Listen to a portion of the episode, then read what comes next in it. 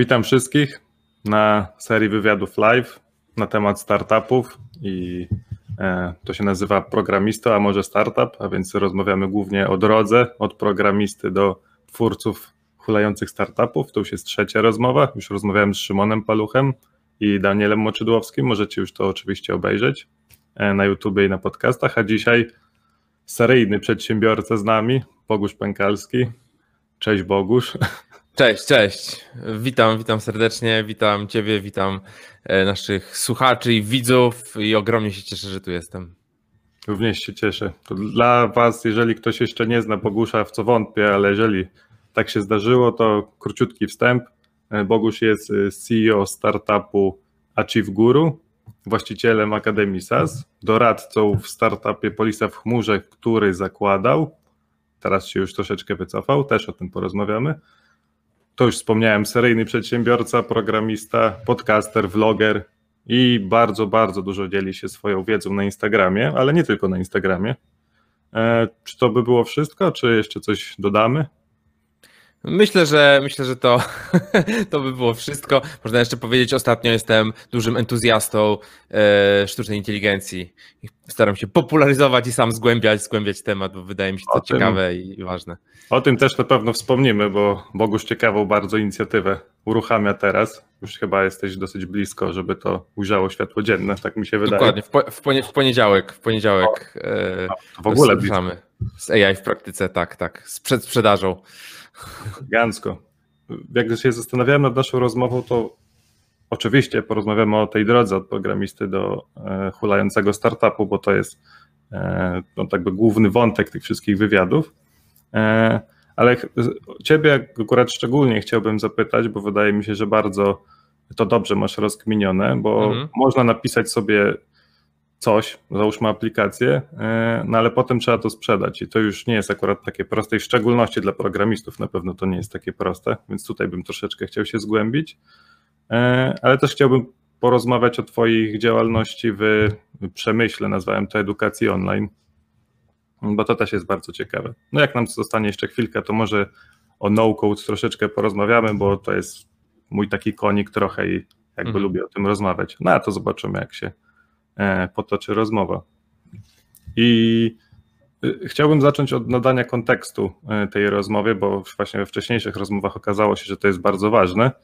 Czy jakbyś mógł powiedzieć y, właśnie w jakich działałeś i działasz startupach na początku?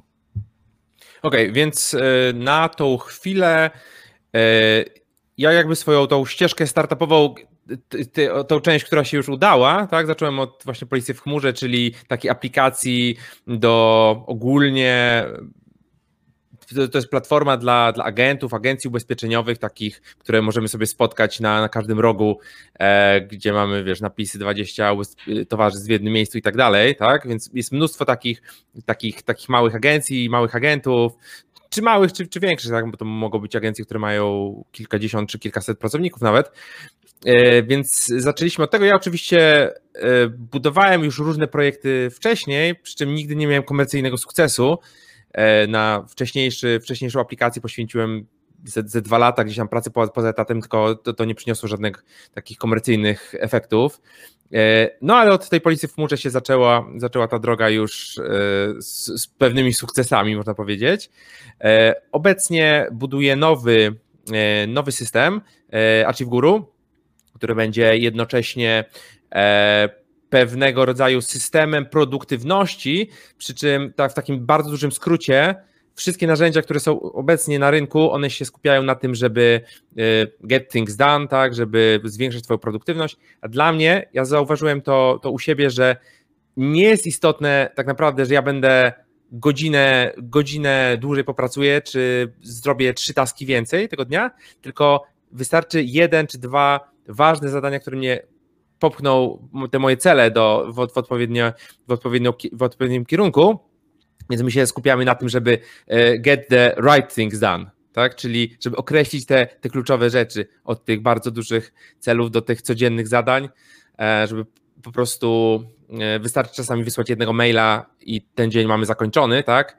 Produktywność dla samej produktywności nie ma sensu, jeżeli robimy złe rzeczy. Więc tutaj się na tym będziemy skupiali.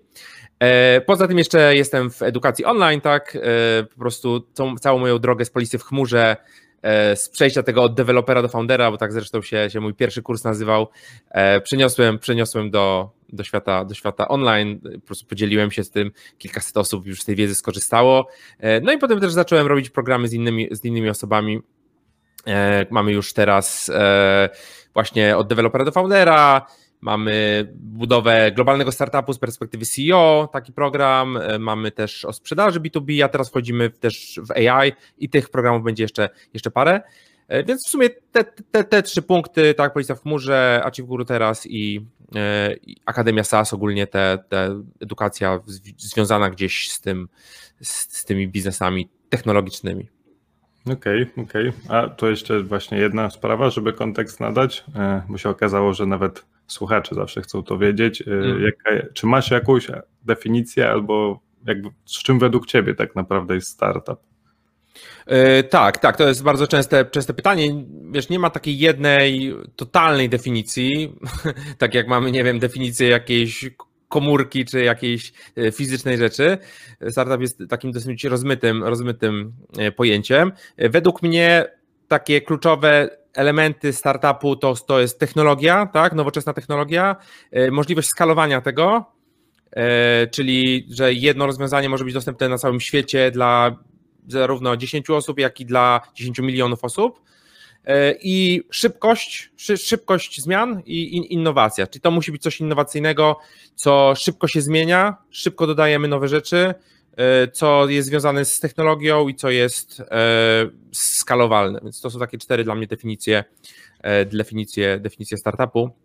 Jeżeli mamy te cztery rzeczy, myślę, że możemy mówić, mówić o startupie. Tu oczywiście jeszcze jest kwestia modelu biznesowego. Często się mówi, że to jest firma, która poszukuje modelu biznesowego i, i często tak jest. Często tak jest, że my dzisiaj w, na przykład w Achieve Guru idziemy w kierunku subskrypcji, tak, jako, jako modelu biznesowego, ale tak, na dobrą sprawę yy, możliwe, że ten model się będzie zmieniał i zobaczymy, zobaczymy jak to będzie, jak to będzie działać.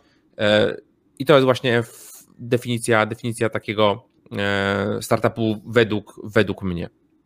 Okej, okay. a to właśnie ten model subskrypcji, to fajnie, że o tym powiedziałeś, bo e, chciałem o tym właśnie porozmawiać, że właśnie skąd pomysł akurat na subskrypcję, bo znaczy mi się przynajmniej wydaje, że zazwyczaj jeżeli ktoś myśli o swojej aplikacji, no to ona sobie jest, wrzucam ją na jakieś sklepy Google'owe i Playowe i jakieś inne i to sobie hula. A, a dlaczego akurat subskrypcje właśnie? Znaczy teraz mówisz o aplikacjach mobilnych, tak? Że wrzucasz sobie na, na App Store no, czy... Tak, tak, no ale tu też można sobie desktopowo coś napisać, chociaż nie wiem, pewnie już teraz coraz mniej tego jest i po prostu sprzedawać w pudełkach. E, tak, tak, to już, to już jakby świat, świat od, tego, od tego modelu odchodzi. Kiedyś się też kursy online sprzedawało, kursy online, kursy się sprzedawało wypalając na płycie i sprzedając na Allegro. E, ja tego nie robiłem, ale na przykład ostatnio rozmawiałem z gościem w moim podcaście, a właśnie, bo też prowadzę podcast Startup My Way, jeżeli ktoś miałby ochotę posłuchać rozmów właśnie z, z różnymi osobami z tej branży. E, I rozmawiałem z Grześkiem, Grześkiem Rogiem, który zaczynał w 2007 roku i po prostu robił kursy online wypalowy na płycie, sprzedawał na Allegro, więc te pudełkowe, pudełkowe rzeczy były, ale no wydaje mi się, że już troszeczkę odeszły, szczególnie, że ja na przykład osobiście nie mam napędu CD ani DVD nigdzie, w żadnym urządzeniu w domu. No, w, w schowku mam stary komputer jeszcze, który mam sprzedać. E, to tam, to tam jeszcze ja mam. Ja mam kilka starych gier w pudełku, poza tym lubię gry w pudełku, więc mam taki na USB wpinany. Żeby A, okej, okay, dobra, tak, to można, kupić jako external, e, external drive. E, tak, także e, jeżeli, jeżeli pytasz o to, e, jakim, jakim, w jakim kierunku można iść, tak, pod kątem hmm. budowania aplikacji i, i potem jej dystrybucji tej aplikacji, no według mnie kluczową rzeczą jest znalezienie jakiegoś, jakiegoś problemu, który, który faktycznie istnieje E, i dobudowanie technologii do tego problemu. I ten mój, jakby mój, mój pogląd na, na budowanie rozwiązań się też zmienia z czasem. Więc to jest, to jest bardzo ciekawe, że w momencie, kiedy pracowałem nad policją w chmurze, no myślałem troszeczkę inaczej niż, niż, niż dzisiaj, bo, bo się po prostu nauczyłem.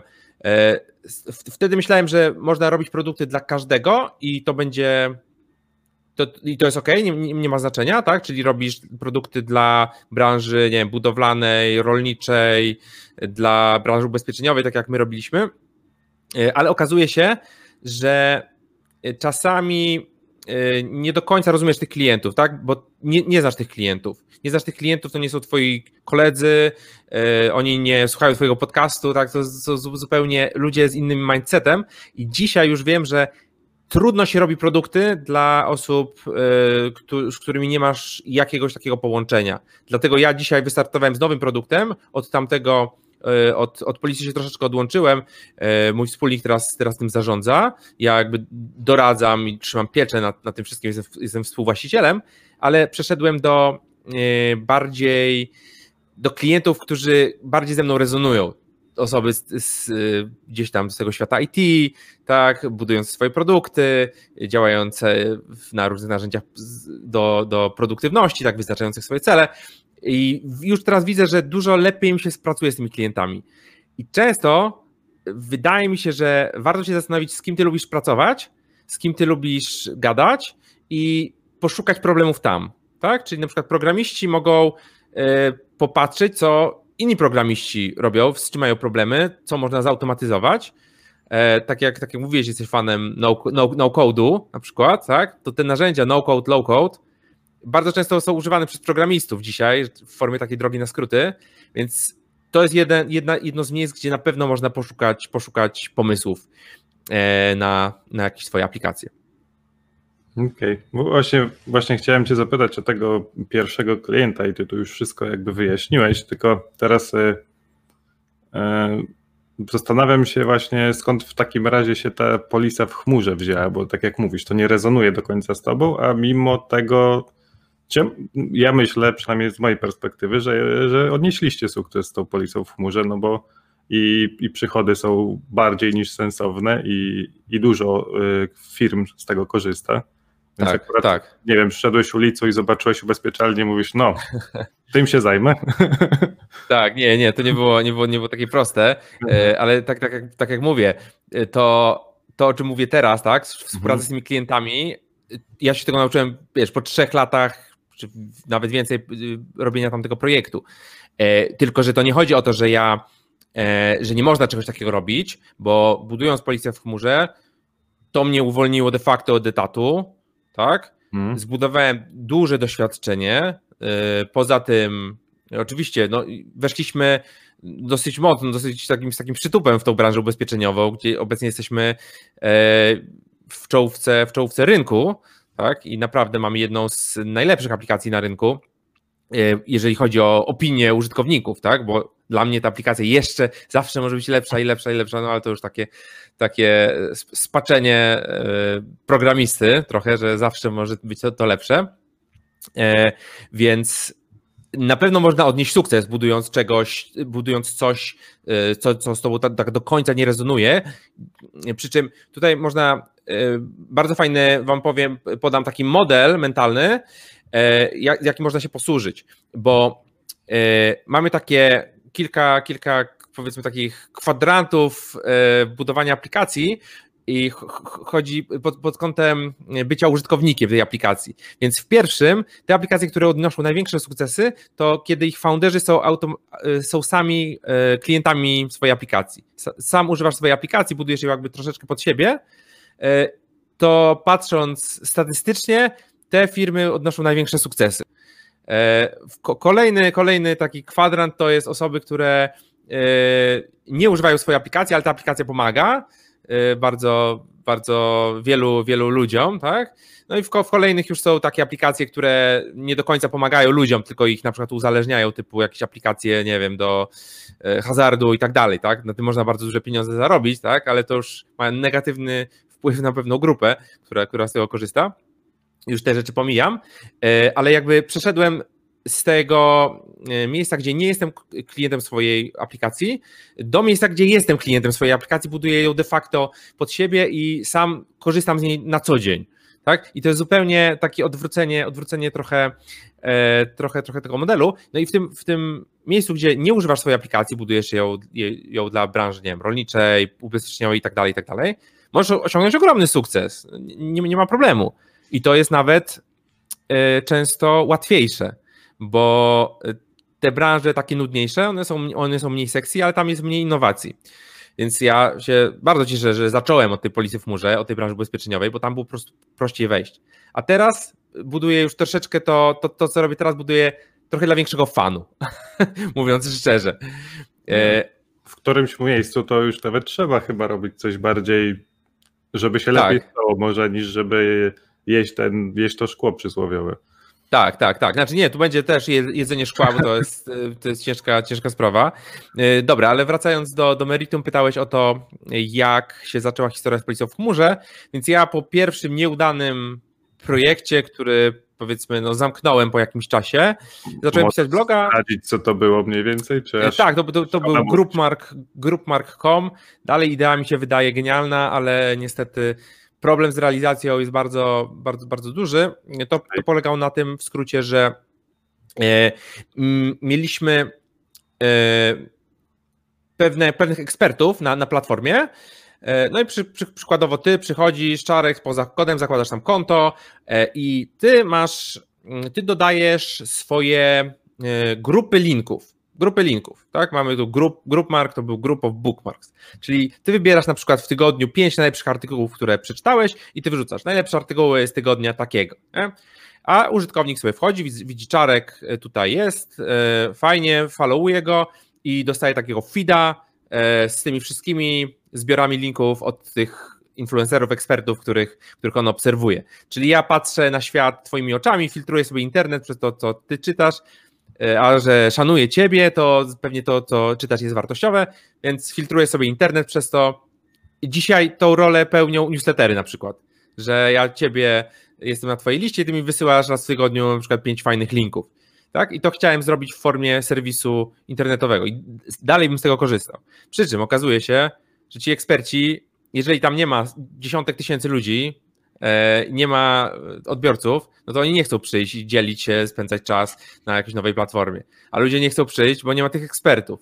Więc e, takie błędne koło, tak? To jest model marketplace'owy, gdzie musisz mieć e, tych dostawców i odbiorców jednocześnie i to wtedy zaczyna działać. Więc no i oczywiście kwestie jakiegoś głosowania, które, kto jest lepszy, kto, które grupy są, są lepsze, wiesz, troszeczkę taki wykop, E, dla, e, dla grup linków, tak, i w kontekście bardziej, bardziej takiej merytorycznej wiedzy niż, niż jakichś e, wiesz, newsów dramatycznych i tak dalej. No, no, no ale niestety ja tam nie miałem modelu biznesowego, niespecjalnie w ogóle wiedziałem jak to, w ogóle nie myślałem o tym, żeby to monetyzować. Po prostu robię, to było to podejście, robię, robię, zrobię, zobaczymy, co z tego wyjdzie. Tak? No, mhm. Okazuje się, że nic z tego nie wyszło. e, tak, ale to była, to była też cenna lekcja. No i Y, zamykając ten projekt, myślałem, co by tu robić dalej. Założyłem y, bloga startupmyway.com. Na początku to miało być y, po, po angielsku, pisałem po angielsku, potem to się zmieniło, zacząłem pisać po polsku, ale wtedy pisa, pisałem po angielsku i stwierdziłem, że będę robił taką, taką serię Zero to Hero i będę opisywał te moje, moje kroki. Więc w pierwszych wpisach e, zacząłem tak się publicznie zastanawiać, co ja mogę robić dalej. Więc myślałem o tym, żeby tego gruparka wziąć i jakoś go zniszować, na przykład tylko dla programistów, coś, coś z tym zrobić, tak bardziej to zawęzić. E, ale jednym z pomysłów było zbudowanie jakiejś aplikacji SaaS. Właśnie wtedy czytałem w internecie, szczególnie tym, tym anglojęzycznym, o tych aplikacjach SaaS, że ludzie budują sobie taką aplikację, a potem wyruszają w świat i sobie tylko tam doglądają tej aplikacji, płynie, płynie kasa, ludzie płacą subskrypcje, jest w ogóle bajka, nie? I naprawdę sporo jest takich, takich historii. I mówię, kurczę, no to jest też ciekawy pomysł, więc wrzuciłem coś takiego do tego posta, tego posta można sobie dzisiaj przeczytać, e, wrzuciłem, że może coś takiego będę robił. I tego posta na moim blogu, tam przeczytało, nie wiem, ze, ze 100 osób wtedy, więc, więc nie, nie ale przeczytał mój przyszły wspólnik też, też tego posta i on do mnie przyszedł, mówi, a ja mam taką e, taką aplikację dla agentów ubezpieczeniowych, desktopową, tam dla kolegi zrobiłem i chcę ją przenieść teraz do, e, do internetu, i, ale sam tego nie zrobię, bo z jednej strony nie mam jakiejś motywacji, z drugiej strony nie mam za bardzo, za bardzo czasu, żeby samemu tego, tego robić, we dwóch może, może to pociągniemy. No sprawdziłem temat, mówię, dobra, no to szukam czegoś, właśnie to pasuje, to zbudujmy aplikację SaaS, która przeniesie tą funkcjonalność tego desktopa do, do, do weba i, i zobaczymy, co, co z tego wyjdzie. No i, i tak się zaczęła, tak się zaczęła Polisa i na początku robiliśmy ją po godzinach, potem w pewnym momencie, w pewnym momencie ja stwierdziłem, że dobra, nie ma czasu już po etacie tego robić, fizycznie, bo trzeba z klientami rozmawiać, trzeba budować feature'y, trzeba zarządzać tym wszystkim. No i odszedłem, odszedłem z, z etatu i siedziałem 100% w tej, w tej polisie przez kolejne prawie dwa lata chyba. No, mhm. tak, taka była historia polisy w skrócie dużym. No okej, okay. ciekawy, ciekawy. I e, tak jak wcześniej mówiłem, bo napisać to napisać, to e, załóżmy, że większość programistów większy lub mniejszy problem z tym widzi, no ale raczej napisze. E, ale co potem właśnie? Jak to monetyzować? Jak, jak to, od czego tu zacząć? Marketing, sprzedaż i te już trudniejsze rzeczy. Znaczy dla Pytanie, nas. co napiszę. Pytanie, mówi, że napiszę. Okej, ale co napiszę, tak? No bo to jest pierwsze pytanie. Ty jako programista teraz siadasz i napiszesz, ale co? Co, co, co to będzie? No to jest pierwszy, pierwsza rzecz. Czy masz problem, który, który chcesz rozwiązać? Aha, Bo... Nie, nie, no tutaj załóżmy, że już walidacja jakaś tam mm, była i to taka z klientami i wiemy, jakie oni mają problemy i tak dalej. E, I co potem jakby z tym robić? No bo już jest napisane i rzeczywiście tam pięć osób to kupiło, z którymi rozmawialiśmy i to walidowało. Znaczy walidowało pewnie 100, ale kupiło pięć. I jakby co dalej? Co dalej z tym tematem? E, no to wiesz, jak już bardzo dużo osób nie dochodzi do tego momentu, że pięć osób kupiło. Tak? To, to już tak przesko przeskoczyłeś ten dosyć taki kluczowy, kluczowy moment. Jak pięć osób kupiło, to się pytasz tych pięciu osób, dlaczego kupili i czy mają w swoim networku osoby, które, które również są zainteresowane. E, mhm. Prosisz ich o opinię, te opinie wstawiasz na stronę, e, prosisz ich o, o to, czy może, możecie zrobić na przykład szybkie wideo, gdzie e, po prostu porozmawiasz z, z, z tym klientem i po prostu wtedy masz swojego idealnego klienta, w, w, w liczbie 5, tak? Zbierasz wszystkie metryki o tym kliencie, ile on ma lat, gdzie pracuje, co robi, jaki problem został, został rozwiązany i szukasz takich klientów. E, wchodzisz sobie na LinkedIna, zakładasz konto Sales Navigator, tam za, nie wiem ile kosztuje, 50 dolców e, miesięcznie i tam wpisujesz te wszystkie parametry i wyświetla ci się lista tysiąca osób, które są dokładnie takie same jak ten twój klient. Tylko problem jest taki, żeby dojść do tego momentu tych pięciu sprzedaży i że ci ludzie faktycznie są zainteresowani, a nie, że ich tam wkręciłeś albo dałeś promocję, że za złotówkę mogą, mogą to kupić, bo, bo, bo to też, też nie o to chodzi. E, I wiesz, później już jest prościej, tak naprawdę. E, jeżeli chodzi o dojście do małej skali, tak? No bo jeżeli mówimy o dojściu do skali setek tysięcy klientów czy milionów klientów, to ja ci tego teraz nie powiem jeszcze, bo jeszcze po prostu tego sam nie osiągnąłem. Nie? Hmm. To planuję zrobić właśnie w, w ramach Achieve Guru. E, co, co ciekawe, my, my, też z Policją w Murze do tej pory jeszcze nie, wysz, nie wyszliśmy za granicę. Tak? No nawet hmm. nazwa jest taka, że ciężko, ciężko ją przetłumaczyć. E, trzeba było po prostu nowy brand budować.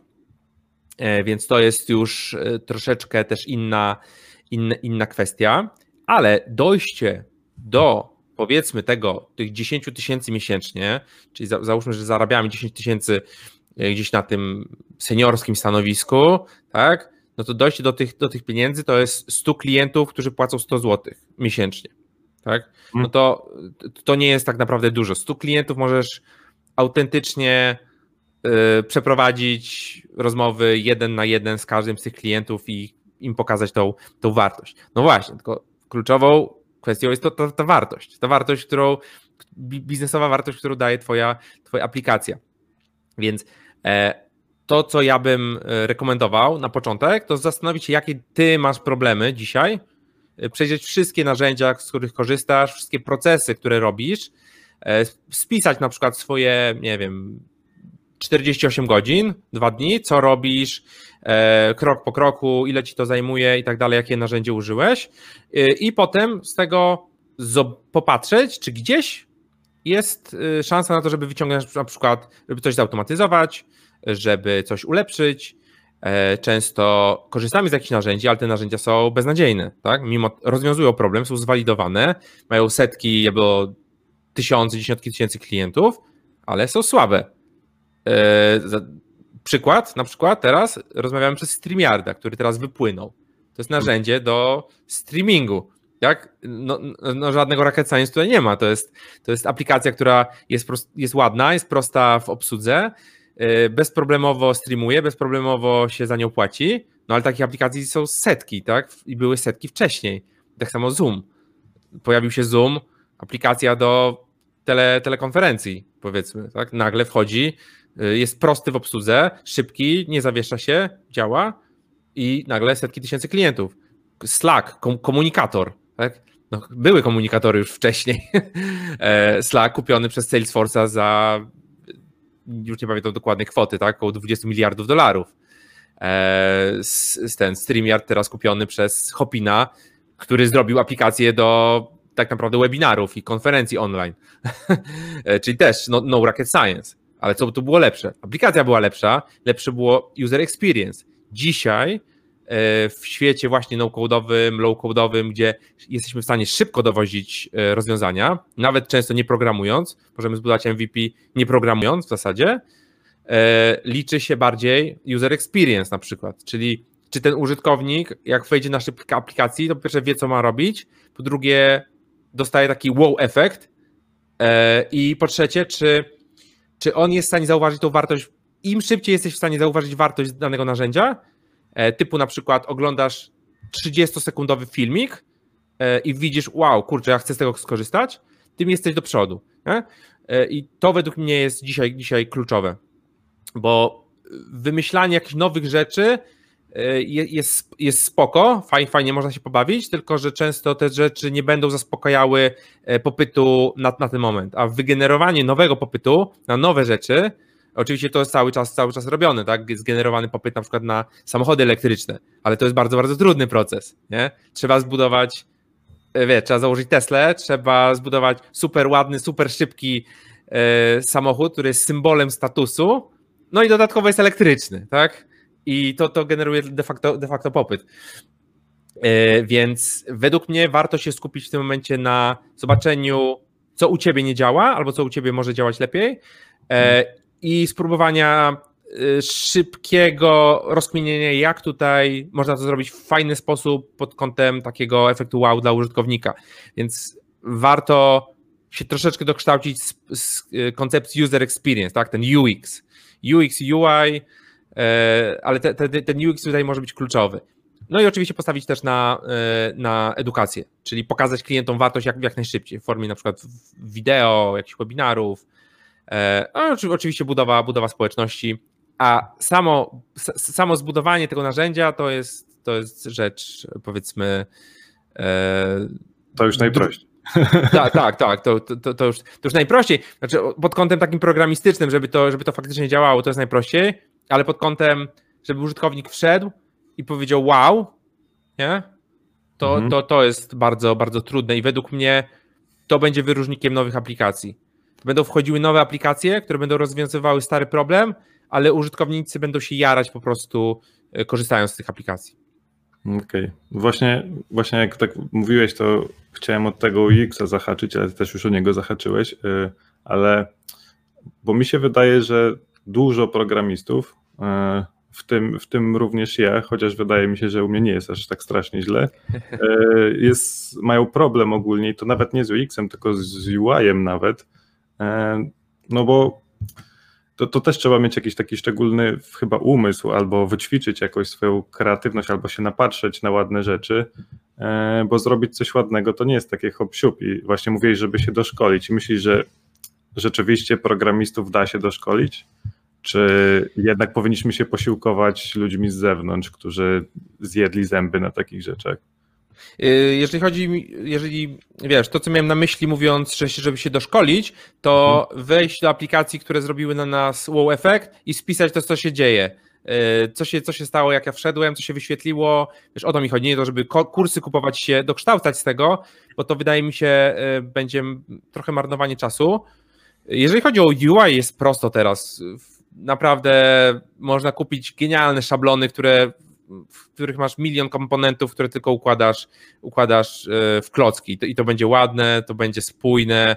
Ja teraz startując z Achieve Guru po prostu kupiliśmy szablon, e, szablon gotowy, e, gdzie o, o, potem tam podmieniliśmy komponenty na trochę inne, ale te komponenty też są często za darmo albo za jakieś bardzo małe, małe pieniądze.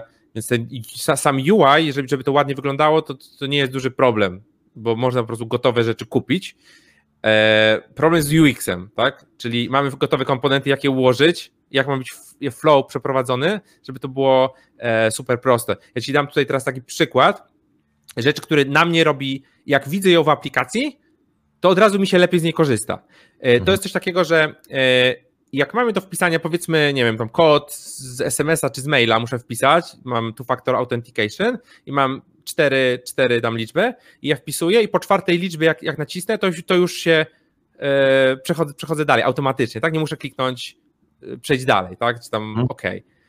I to mi zaoszczędza czas. Nie? Ja wpisuję cztery liczby, bach, i już, już nie uniknąłem kliknięcia dodatkowego tam enter myszką. E, takie, takie drobne rzeczy często, często będą miały E, będą miały wpływ. E, pytałeś się, czy warto skorzystać z wiedzy ekspertów? Jak najbardziej, tak? Po pierwsze, jeżeli myślisz o jakiejś ścieżce kariery, to kwestie UX-owe są bardzo, bardzo e, będą na topie i to też się będzie zmieniało, bo teraz na przykład wchodzi Voice, tak? I się, pojawi się praca projektanta aplikacji Voice First, tak? Czyli co ma się dziać, jak ja mam sterować głosem, aplikacją, żeby, żeby to działało, tak? bo to też jest e, kwestia przetwarzania e, tego, tego dźwięku na komendy i tak dalej, i tak dalej, to jest jedna rzecz, a kwestia tego, że użytkownik wchodzi i wie, co ma mówić, żeby aplikacja zrobiła to, co on chce. Projektant e, taki UX-owy, wiesz, voice first na przykład.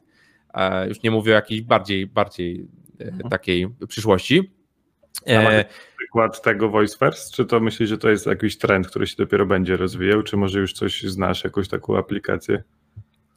Yy, wiesz co, nie, nie powiem ci teraz z pamięci, ale to wystarczy wpisać coś takiego i yy, wszystkie te kwestie Alexa Skills, tak, tam masz, aha, możesz aha. sobie do, dokładać do tych asystentów głosowych swoje, swoje feature'ki, które, które się zrealizują za pomocą głosu, tak.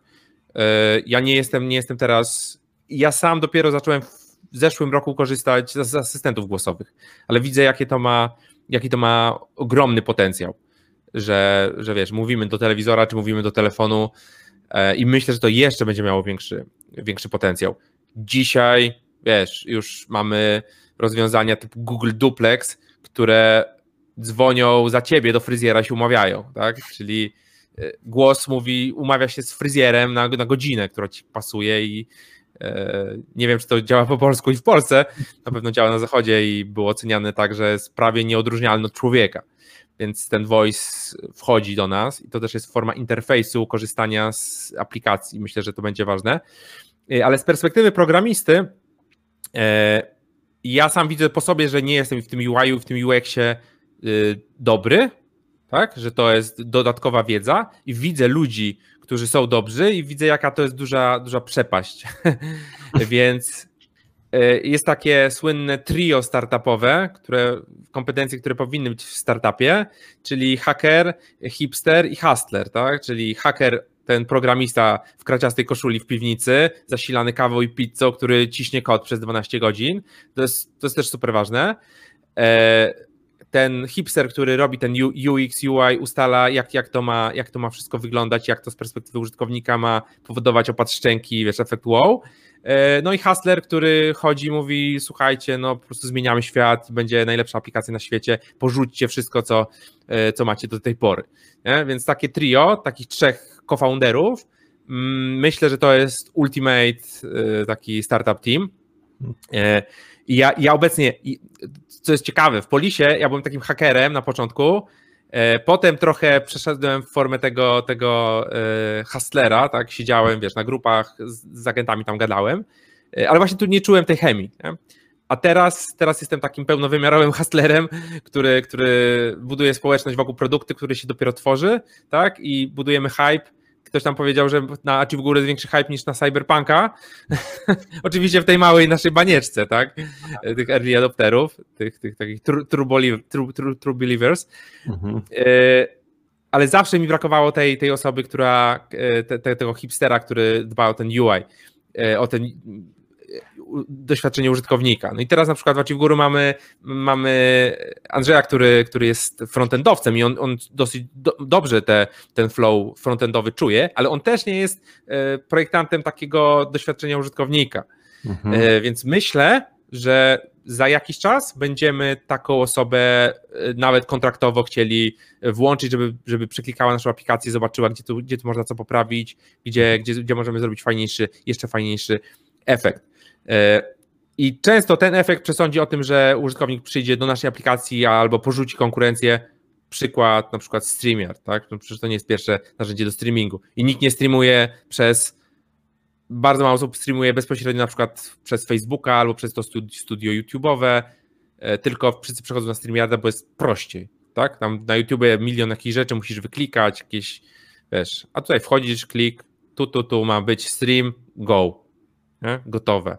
Więc user experience, ta prostota, e, myślę, że to jest, to, to, to jest kwestia kluczowa. Okej. Okay. Hmm. Tak właśnie z tym E, z tym user experience to teraz z tego co wiem, to bardzo dużo się pojawia takich firm konsultingowych wręcz, więc wręcz można nawet swoją aplikację dać całej firmie, nie tylko brać jakąś osobę na kontrakt. Tak. Całe raporty, e, no, powiem nieładnie, wypluwają z braku lepszego słowa.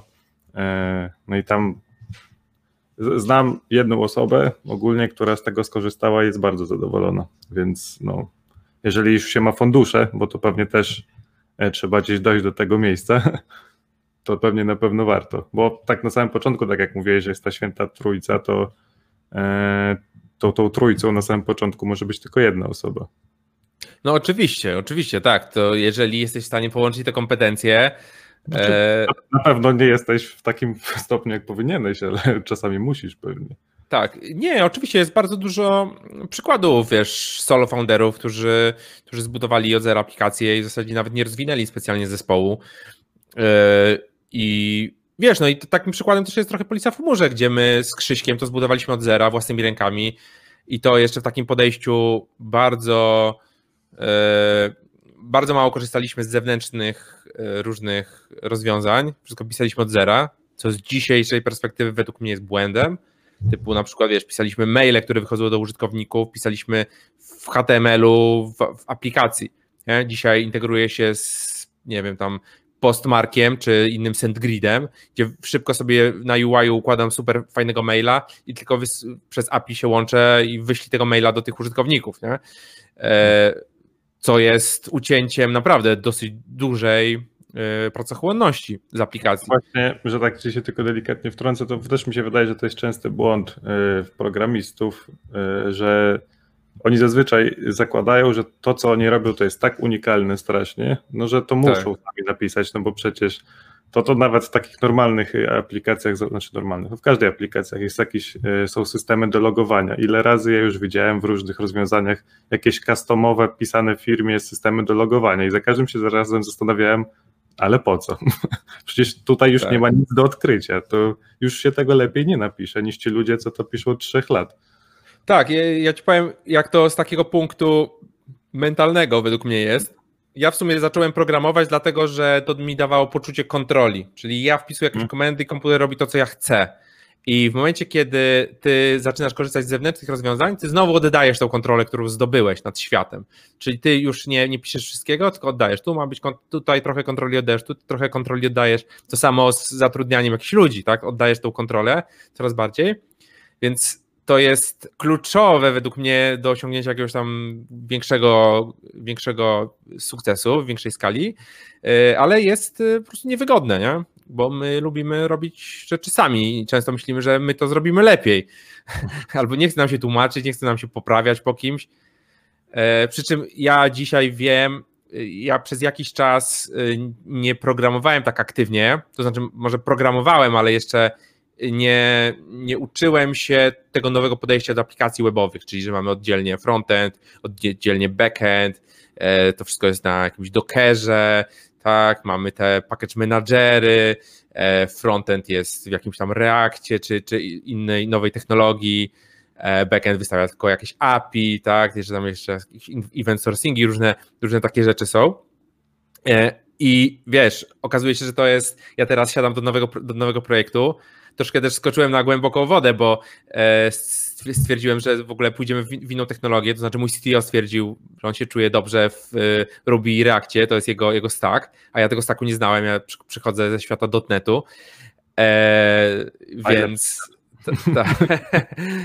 tak, tak. Więc ja teraz siadam, wiesz, e, ostatnio pierwszy commit zrobiłem z featurem, który poszedł, poszedł, poszedł wyszedł produkcyjnie. Nawet go nie wycofali, tak? Tak, tak, tak. Taki mini. Tak, tak, bo przenieśliśmy się na tego, na e, na GitHuba z, z repozytorium i w darmowej wersji GitHuba nie da się zablokować puszy do, do produkcji, do różnych branży, więc, więc mo, można było, wiesz, bez pull, bez pull requesta to zrobić. Więc ja się teraz tego, tego, tego uczę i widzę, jak to, się, jak to się bardzo zmieniło, że można naprawdę e, zostać, zostać mocno w tyle, jeżeli się nie uczysz. No jeżeli chcesz nadganiać i z, z kwestią biznesową i te UX-y, tak, tak naprawdę to, to jest ważne z perspektywy klienta, no to też nie zdążysz nad, nad, nadgonić nad technologią, więc też jest ciężko być na czasie, e, jak jesteś, jak jesteś solo i chcesz łączyć te, te wszystkie kompetencje. No, tutaj właśnie nie wiem, czy zechcesz odpowiedzieć, bo być może ktoś słucha albo będzie słuchał, ale jak właśnie podchodzić do tematu wspólników, bo są głosy, że wspólnik to wyłącznie w ostateczności, e, a są takie głosy, że właśnie, no to nawet ty tutaj troszeczkę powiedziałeś, że może by zebrać taką ekipę trzech e, specjalistów czy specjalistek i wtedy zrobić ogień. I to też wszystko ma swoje wady i zalety, to jest jakby jasne. A gdzie tak, no, jest bliżej? Powiem, powiem tak, ja jestem e, zwolennikiem tego, żeby faktycznie tych wspólników jakiś mieć. E, na pewno kluczem do sukcesu w spółkach technologicznych jest to, żeby jeden ze wspólników czy, czy kluczowych pracowników, którzy mają udziały, tak, może to nie będzie 50%, tak, ale e, mają udziały, e, to, to muszą być osoby techniczne. Musi być przynajmniej jedna osoba techniczna e, w, w, w, tych udziałowcach. Czy to będziesz ty jako osoba techniczna, czy, czy to będzie ktoś inny. E, więc to jest według mnie kluczowe i to też widać po statystykach, że większość tych firm, które odniosły duży sukces, to są firmy założone albo współ, współzałożony przez, przez osoby, osoby techniczne, bo one rozumieją tą technologię i nawet takie trywialna rzecz, jeżeli same nie będą robić tego kodu, tak, to one są w stanie już zweryfikować, czy ta osoba zatrudniona e, coś, coś, coś w ogóle potrafi, czy, czy, czy warto ją zatrudnić, tak? Osoba nietechniczna zupełnie wchodzi, no nie rozumie, nie rozumie osób, osób technicznych. To, to wydaje mi się dosyć kluczowe. E, wspólnicy na pewno pomagają w takich cięższych czasach. E, w tym kontekście, że ja będąc na przykład, jeżeli bym był solo, nie miałbym w ogóle żadnego zespołu, to mi jest ciężko na przykład na tydzień wyjechać, jeżeli mam kilkuset klientów na aplikacji, bo ta aplikacja może przestać działać z jakiegoś powodu. Nie wiem, płatność z karty została odrzucona i e, wiesz, chmurę ci zawiesili na przykład. Totalnie dziwne rzeczy się zdarzają. Ktoś gdzieś kliknął, jakieś zapętlenie zapytań i aplikacja praktycznie nie działa, trzeba ją zresetować. E, więc posiadanie takiego wspólnika, który jest w stanie to ogarnąć sam, jak ciebie nie ma, jesteś na przykład na urlopie, jest takie uwalniające. E, oczywiście to nie musi być wspólnik, nie? To może być, może być twój, twój jakiś pracownik. Oczywiście na początku nie będziesz miał kasy na, na pracowników, więc dlatego ci wspólnicy się pojawiają. Ale e, opcja, że jesteś w stanie połączyć te kompetencje, mieć osobę, która E, z jednej strony będzie budowała produkt, inną osobę, która będzie e, w stanie ten produkt trochę promować, sprzedawać, e, wiesz, budować jakąś, jakieś takie napięcie, zajmować się tą, tą stroną biznesową, to jest według mnie takie dwie kompetencje, które, które powinny być w tym składzie, w składzie założycielskim. Oczywiście możesz to robić sam, tak? Ja dzisiaj jestem w stanie i budować produkt, i robić jakiś, jakąś sprzedaż i jakoś to dowieść, plus mam wiesz, społeczność swoją, która e, ufa mi, tak, i wie, że na przykład kupi coś ode mnie przed sprzedaży i wie, że to będzie, to będzie dobre, to będzie dowiezione, po prostu już to robiłem wiele razy i zawsze, zawsze to się sprawdziło. E, ale jeżeli nie jesteś taką osobą, to warto tutaj w, e, o, o, tym wspólniku pomyśleć i ja powiem, powiem nawet więcej, że jak masz fajny skład wspólników i te kompetencje się się uzupełniają, to produkt jest drugorzędny, bo wy możecie zrobić jeden produkt, on może nie wyjść, możecie zrobić drugi produkt, może nie wyjść, możecie zrobić trzeci produkt i to będzie globalny, globalny hit, globalny sukces. To może być kwestia pivotu, że zmieniamy w ogóle, wiesz, zmieniamy koncepcję, yy, znaczy mamy jedną koncepcję, a zmieniamy trochę podejście, tak, czy, czy branżę, czy klienta, czy niszę, a to może być zupełnie coś innego. Jeżeli się dobrze rozumiecie, jeżeli razem dobrze współpracujecie, to ten skład założycielski tych wspólników może być ważniejszy niż w ogóle produkt.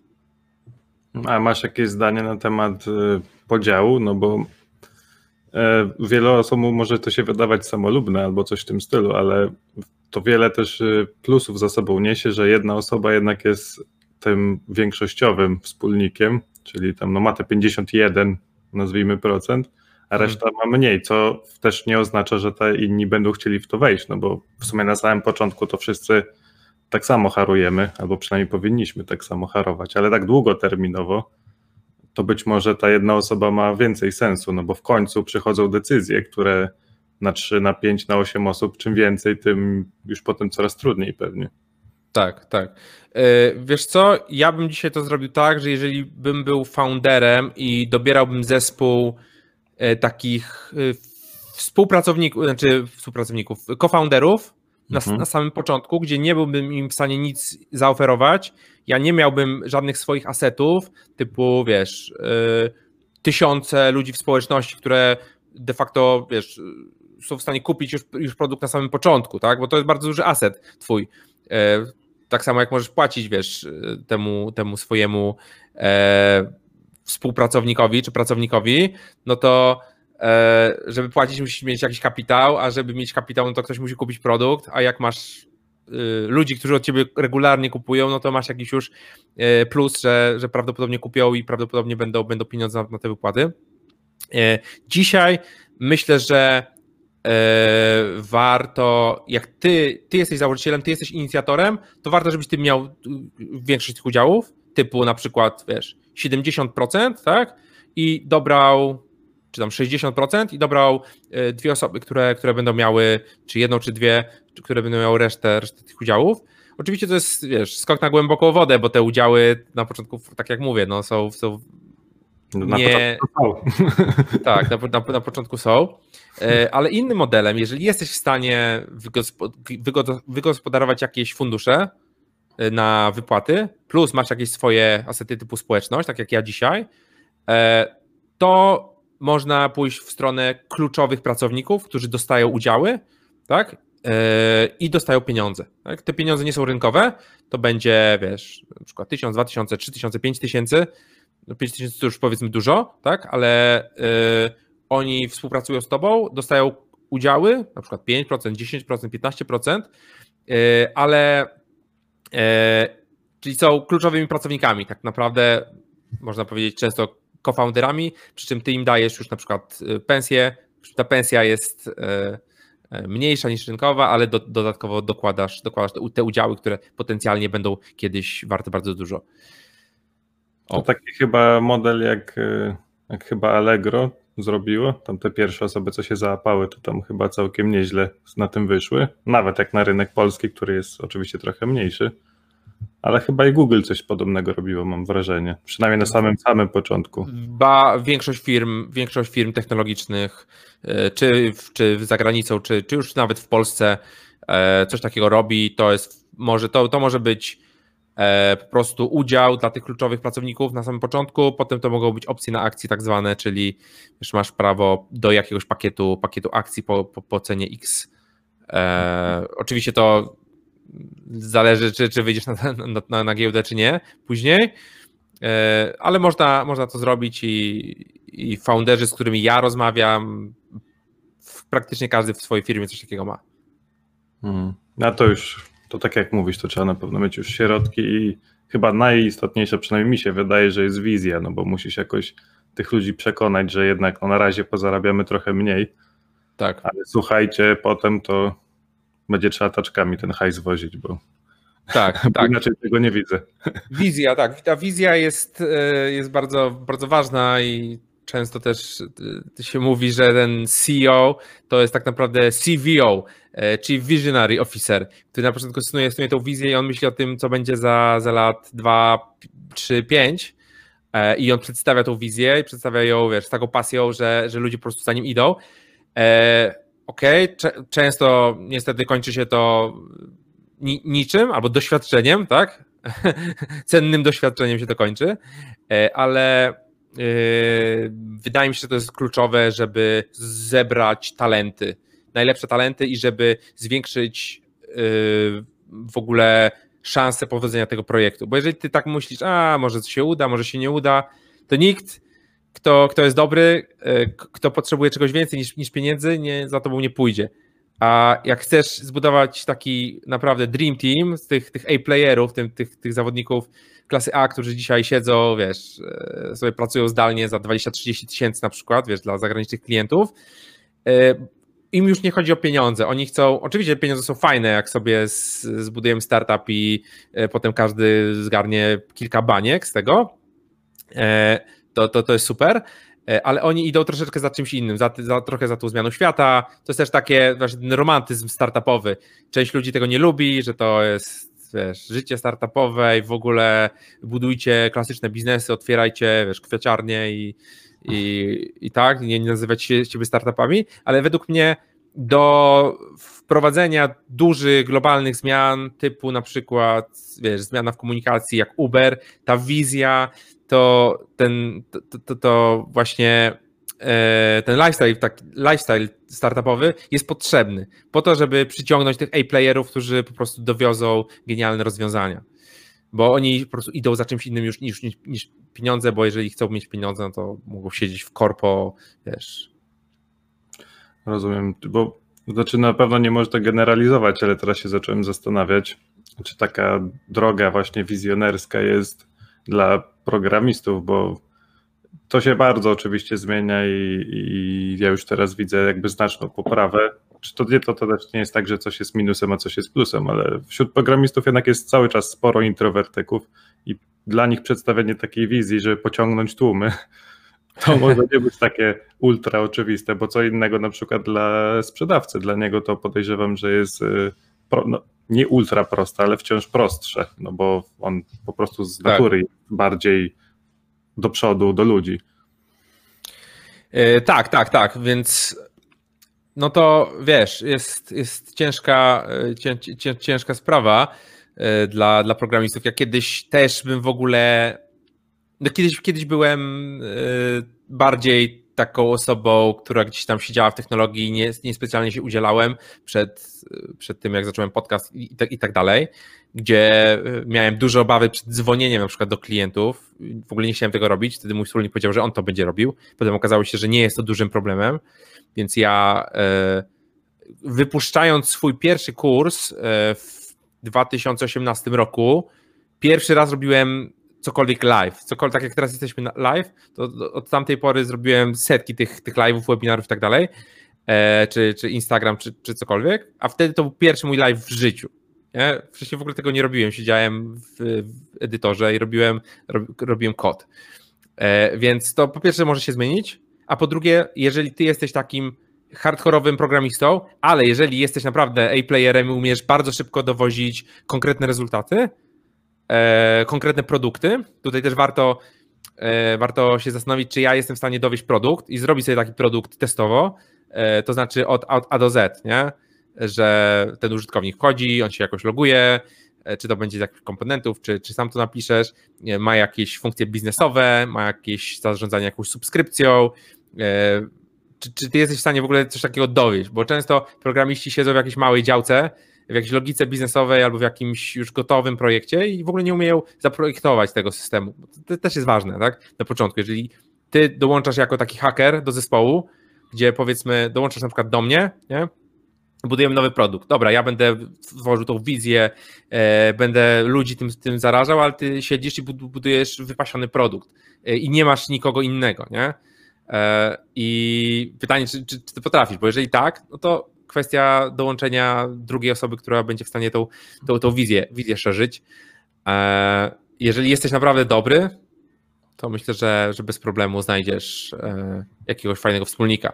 A teraz sobie zacząłem w głowie myśleć, że może nawet czasami czyny, nie słowa są w stanie zadziałać, bo rzeczywiście jak ktoś jest bardzo dobry i szybko tworzy i zaraz pokaże jakieś MVP, które hula jak szalone, tak. to może czasami wtedy słów nie potrzeba, tylko patrzcie na to i pokazujesz i wszyscy puh, Dokładnie. Ja e, ale, ale, jeżeli, żeby tak dać trochę, trochę nadziei tym, tym programistom, którzy nie chcą szukać jakichś tutaj rock, tych gwiazd roka, którzy, którzy mhm. będą e, snuli wizję albo w ogóle w to nie wierzą, no bo, bo często jest tak, że e, ludzie snują wizję, a potem to, to, to się nie przekłada zupełnie na jakiś, na jakiś biznes i dużo osób tego nie lubi. Jest w całe podejście E, biznes to e, B2D, business to developers, tak? Czyli, że budujemy biznesy dla deweloperów, od deweloperów dla deweloperów. Widzimy jakiś problem e, i budujemy coś, co, z czego korzystają deweloperzy i na przykład udostępniamy to w formie jakiegoś GitHuba, na przykład, na przykład za darmo, plus jakieś bonusowe feature'y za, za, jakąś, za, za jakąś kasę, więc możemy, możemy od, od, tak oddolnie, oddolnie do tego wejść i wtedy mamy różnego rodzaju serwisy, na którym można to promować, typu Hacker News, gdzie po prostu e, często programiści budują jakiś produkt, wrzucają na Hacker News, inni programiści mówią, ale za, za, zajebisty produkt, nie? Upvotują i nagle się o tym dowiaduje, e, wiesz, 100 tysięcy ludzi. Potem to trafia gdzieś na Reddita, przy czym tutaj już warto wtedy wchodzić od razu globalnie e, w ten ekosystem programistyczny, bo ten świat nie jest też tak, aż taki duży, nie? więc e, warto, warto wtedy, wtedy iść w te, E, w ten, e, w ten global, ale e, nie potrzeba wtedy często jakichś, jakichś takich wizjonerów. Wtedy faktycznie ty pokazujesz coś, co, co działa fajnie i jak to działa fajnie pomaga jakimś programistom w czymś, tak, w ich pracy, to, to, to oni będą cię sami promować, będą opisywać to na swoich blogach, już mówić o tym i tak dalej, to, to już pójdzie taką po prostu pantoflową często. To mamy gotowe przepisy, nawet kilka dzisiaj dla tak. więc super się gada w ogóle. Ty tu już tutaj patrzę, już godzinę gadamy. A ja nawet połowy rzeczy nie poruszyłem, o których chciałem pogadać, no ale to chyba już może następnym razem, bo widzę, że jakieś pytania się pojawiały w międzyczasie, więc może trzeba by się odnieść. Tutaj widzę jest powrót do tej części wspólnikowo-akcyjnej. E, czy takie rozwiązania akcyjne nie są tylko dla spółki akcyjnej? Wiele osób robi startupy na spółce ZO. Czy da się mechanizm udziałów dla pracowników w takiej formie uzyskać? I tu jeszcze jest rozwinięcie, że skoro się mówi teraz o uproszczonej spółce akcyjnej dla startupów, ale z tego co wiem, nie ma jeszcze tej formy w naszym prawie. Generalnie, generalnie rzecz biorąc, y, da się zrobić to różnymi sposobami, y, da się to zrobić umowami, trzeba troszeczkę się na, namęczyć, ale oczywiście to się, to się wszystko da zrobić. E, tylko tutaj trzeba już pogadać z founderem, który to faktycznie robił. Ja teraz ostatnio, dosłownie dwa dni temu, e, nagrywałem nowy podcast z jednym z founderów, który, który to robi, robi to na spółce ZO i ma, ma to zrobione, więc to się da zrobić. Ja osobiście tego, tego, tego nie, nie robiłem. E, robiłem to różnymi nie robiłem tego na spółce ZO, robiłem to różnymi sposobami typu e, umowy po prostu papierowe, które definiują na przykład jakieś, że dostaniesz x udziałów w danej spółce e, po e, nie wiem, dwóch latach, jeżeli spełnisz takie KPI, tak, jakieś, jakieś tam parametry i tak dalej, wiesz, to, to można naprawdę, jak się chce, to, to można zrobić, tak, jak będziesz miał takie problemy, to to, to uderzasz, to, to uderzyć do mnie, ja ci polecę jakąś, jakąś kancelarię albo foundera, który to, to robi i, i on już ci powie, powie, powie szczegóły. Tak, polecamy zawsze korzystać z prawników, bo mimo wszystko to się może wszystko źle skończyć, jak się z nich nie korzysta. Chociaż no czasami... też trzeba uważać, zależy jakich prawników. A, to, to na pewno, no wszystko, wszystko musi być wiadomo. E, to zadawajcie, zadawajcie pytania. Tutaj Bo... Kuba pytał jeszcze, czy startup musi być globalny, czy może być startup, który ma zapatrywania lokalne, a nie od razu globalne. Y, jak, jak najbardziej, jak najbardziej przykład Polisa w chmurze, która jest obecnie tylko w Polsce e, i nie wiem, czy nie zostanie tylko w Polsce e, na ten moment. Oczywiście to już zależy od tego, jak ty do tego podchodzisz. E, więc są różne, różne podejścia. Podejście, podejście numer jeden to, to jest takie, że mamy wizję globalną, tak, budujemy globalny brand, ale zaczynamy super lokalnie, typu, wiesz, piszesz do znajomych i oni są pierwszymi na przykład użytkownikami twojej aplikacji. E, to jest jedno podejście. Drugie podejście jest takie, że w ogóle nie budujesz nic na Polskę i od razu wchodzisz na przykład do, do Stanów Zjednoczonych. Nie? E, I tutaj jest ciekawa, ciekawa sprawa, bo właśnie ostatnio gościa pytałem, który sprzedaje do Stanów Zjednoczonych e, i ma klientów, wiesz, wiecie, z Facebooka, z, z, dużych, z dużych tych firm, z Doliny Krzemowej i się pytam, jak zdobył tych klientów, nie? Tak myślę, może reklama, targetuj na Stany Zjednoczone. Mówi, nie, wziąłem walizkę, poleciałem do Doliny Krzemowej, przyszedłem na pięć konferencji, pogadałem z maksymalną ilością osób, e, zapytałem o ich problemy, powiedziałem, że robię takie i takie rozwiązanie, co by jeszcze chcieli i potem oni zaczęli z tego korzystać, potem to poszło jakąś tam pocztą pantoflową e, na miejscu, tak, więc to, to, to jest trudna rzecz, w Polsce to dużo łatwiej zrobić, nie? w Polsce jest łatwiej zacząć. No pytanie, pytanie, co budujesz, czy to jest coś, coś bardzo konkretnego pod polski rynek, e, jeżeli chodzi o ten rynek ubezpieczeniowy, nie jest prosto wyjść od razu za granicę, bo te, to prawo ubezpieczeniowe, działanie tych agentów jest, jest inne, współpraca z towarzystwami jest, jest inna. To jest, y, ja sam, sam tego, sam tego nie, nie, nie badałem. Mamy jakieś tam lidy z zagranicy, które się interesowały, ale, nie robiliśmy tego, tego globalnie, a teraz za górę wchodzimy od razu globalnie, tak? E, wersja polska będzie drugi, jest drugorzędna, tak? Wszystko, wszystko robimy po angielsku, wszystko robimy e, w kierunku, w kierunku globalnym, ale z drugiej strony zaczynamy, zaczynamy lokalnie, więc moi early adopterzy, ludzie, którzy korzystają teraz z aplikacji z pierwszego w MVP, to są po prostu Polacy, to są osoby z mojej społeczności, często osoby, które mnie znają, słuchają podcastu, kupują moje produkty, tak, e, i one chcą, mają, mają taki problem, chcą, chcą z tego skorzystać. I na pewno, jeżeli Was interesuje jeszcze wyjście globalnie, to powinniście się zainteresować e, produktem u Bogusza. Ma Akademię Globalnego Startupu.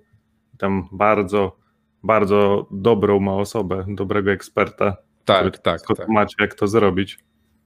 Tak, dokładnie. To Błażej, właśnie CEO Landingu, który, z którym zrobiliśmy ten program, on mówi, że w ogóle od razu globalnie, że nie, nie ma innej opcji, w ogóle nic innego nie, nie rób E, od, od razu globalnie i mhm. to jest jedyny, jedyny sensowny kierunek.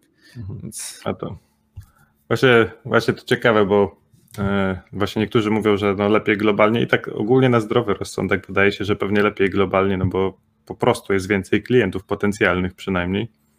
E, a z drugiej strony właśnie jak się słucha tutaj w naszym podwórku na przykład Maćka Aniserowicza chociażby, to on za każdym razem powtarza, że w Polsce jest jeszcze tyle przestrzeni, której można by poużywać i coś tam zrobić, że, że, że nie ma sensu w pewnym, w pewnym, znaczy, w pewnym sensie tak naprawdę nie ma sensu wychodzić na zewnątrz. Yy, wiesz, no zależy, zależy co robisz. Zależy, zależy co robisz. Maciek jest, wydaje mi się, że Maciek nie, nie, jest, nie jest benchmarkiem. Maciek jest raczej tak, wyjątkiem, który, tak, który za regułę. To jest szczególna postać, z tym się zgadzam, tak. Tak, tak. Y, a swoją drogą Maciek jest jednym z uczestników Akademii Globalnego Startupu w formie kursanta, więc... Coś kombinuje. E, więc to nie do końca jest tak, że Maciek nie wychodzi za granicę. Ale oczywiście, wiesz, w Polsce, no bo widzisz, e, jak sprzedajesz na przykład jakąś edukację nie, i sprzedajesz coś za tysiąc złotych, no to jak tysiąc osób zgromadzisz, to jest milion złotych. To mhm. są naprawdę potężne pieniądze, gdzie nie musisz mieć tak dużo, tak dużo klientów. Eee, o, więc możesz naprawdę zacząć od tego rynku. Przy czym usługi e, aplikacji SaaS no nie będziesz sprzedawał w takiej cenie.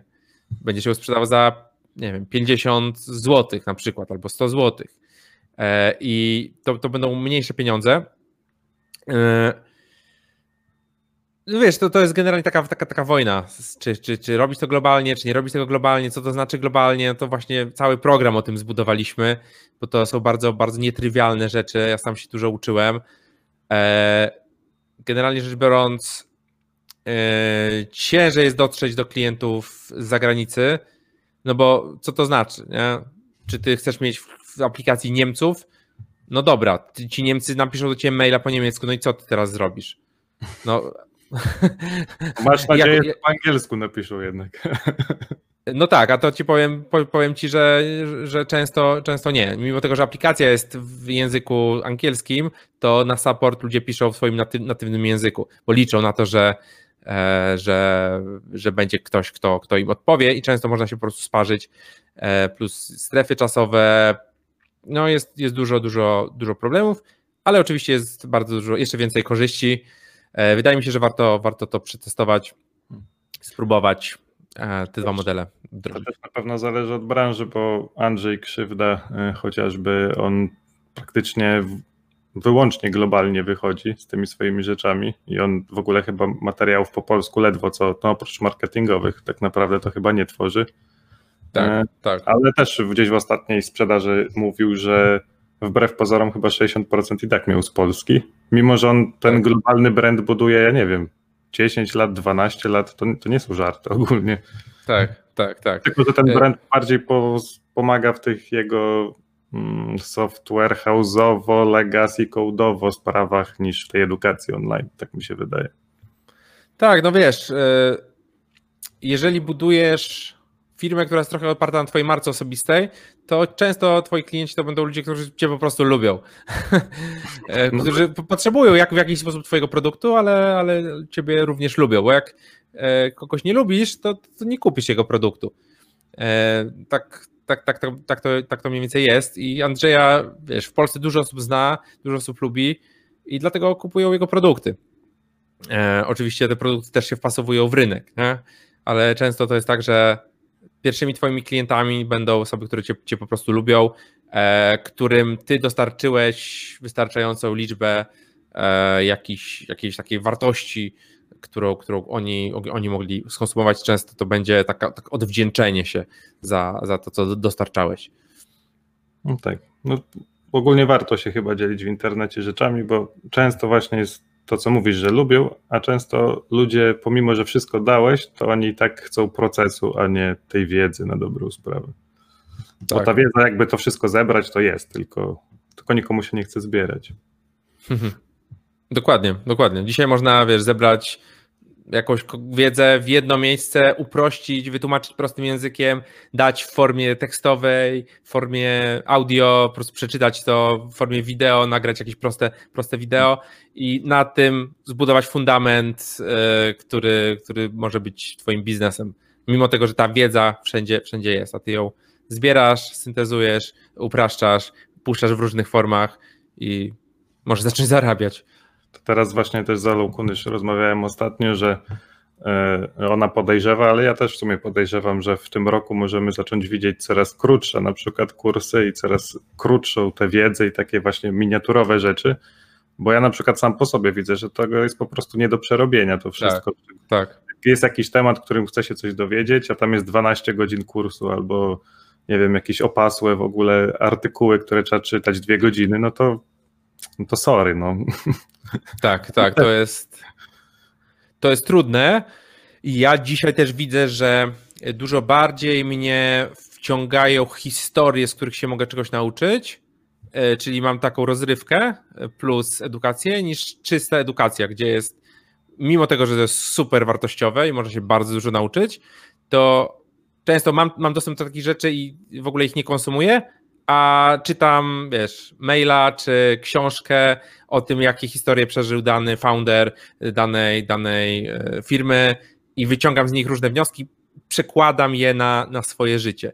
I myślę, że to będzie też trend, że na przykład mamy interaktywną, jakąś jak, taką interaktywną ścieżkę, historię, nie? Zaczynamy kurs i teraz e, Czarek zaczął budować swój startup i zrobił tutaj to, wybrał taki pomysł e, co, i tak dalej, i tak dalej. Co byś zrobił na miejscu Czarka, nie? Dwie opcje, nie? Tutaj zrobił to, zrobił to, nie? Taka historia, która cię wciąga i która cię też, też uczy i ty przekładasz e, po prostu historię tej, tej danej osoby na, na, na swoje życie. Myślę, że to będzie kolejny taki trend y, właśnie w edukacji, w edukacji online.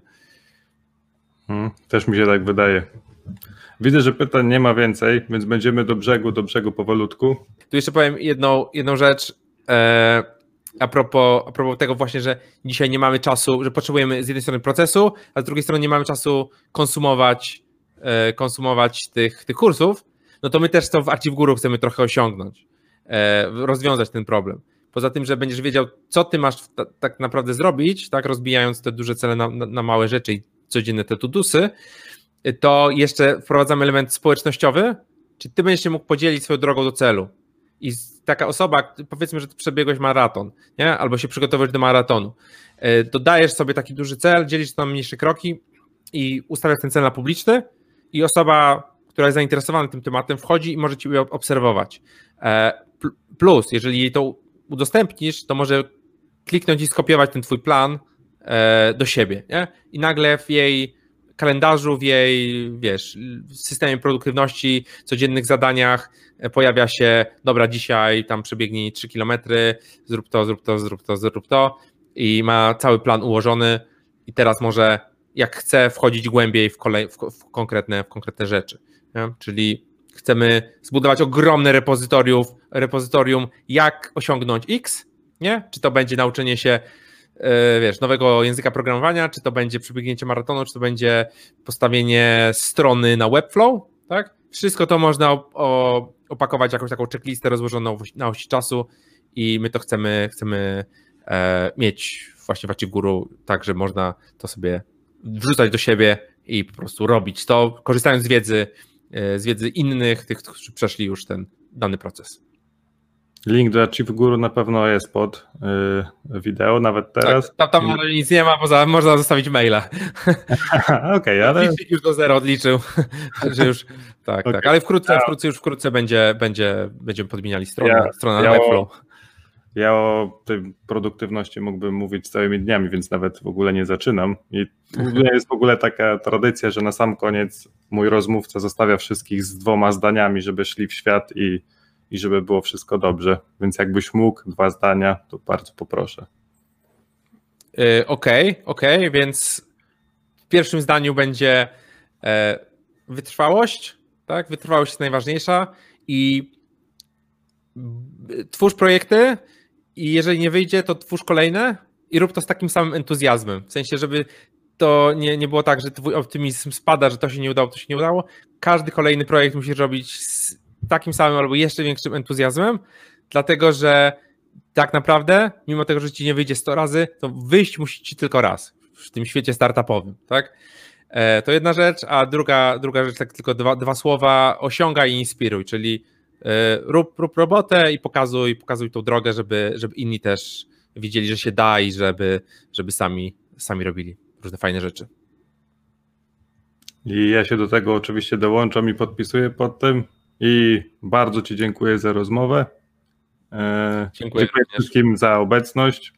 E, nagranie będzie potem gotowe, więc jeżeli Wasi znajomi jeszcze nie oglądali, to i rodzina, to wszystkim mówcie.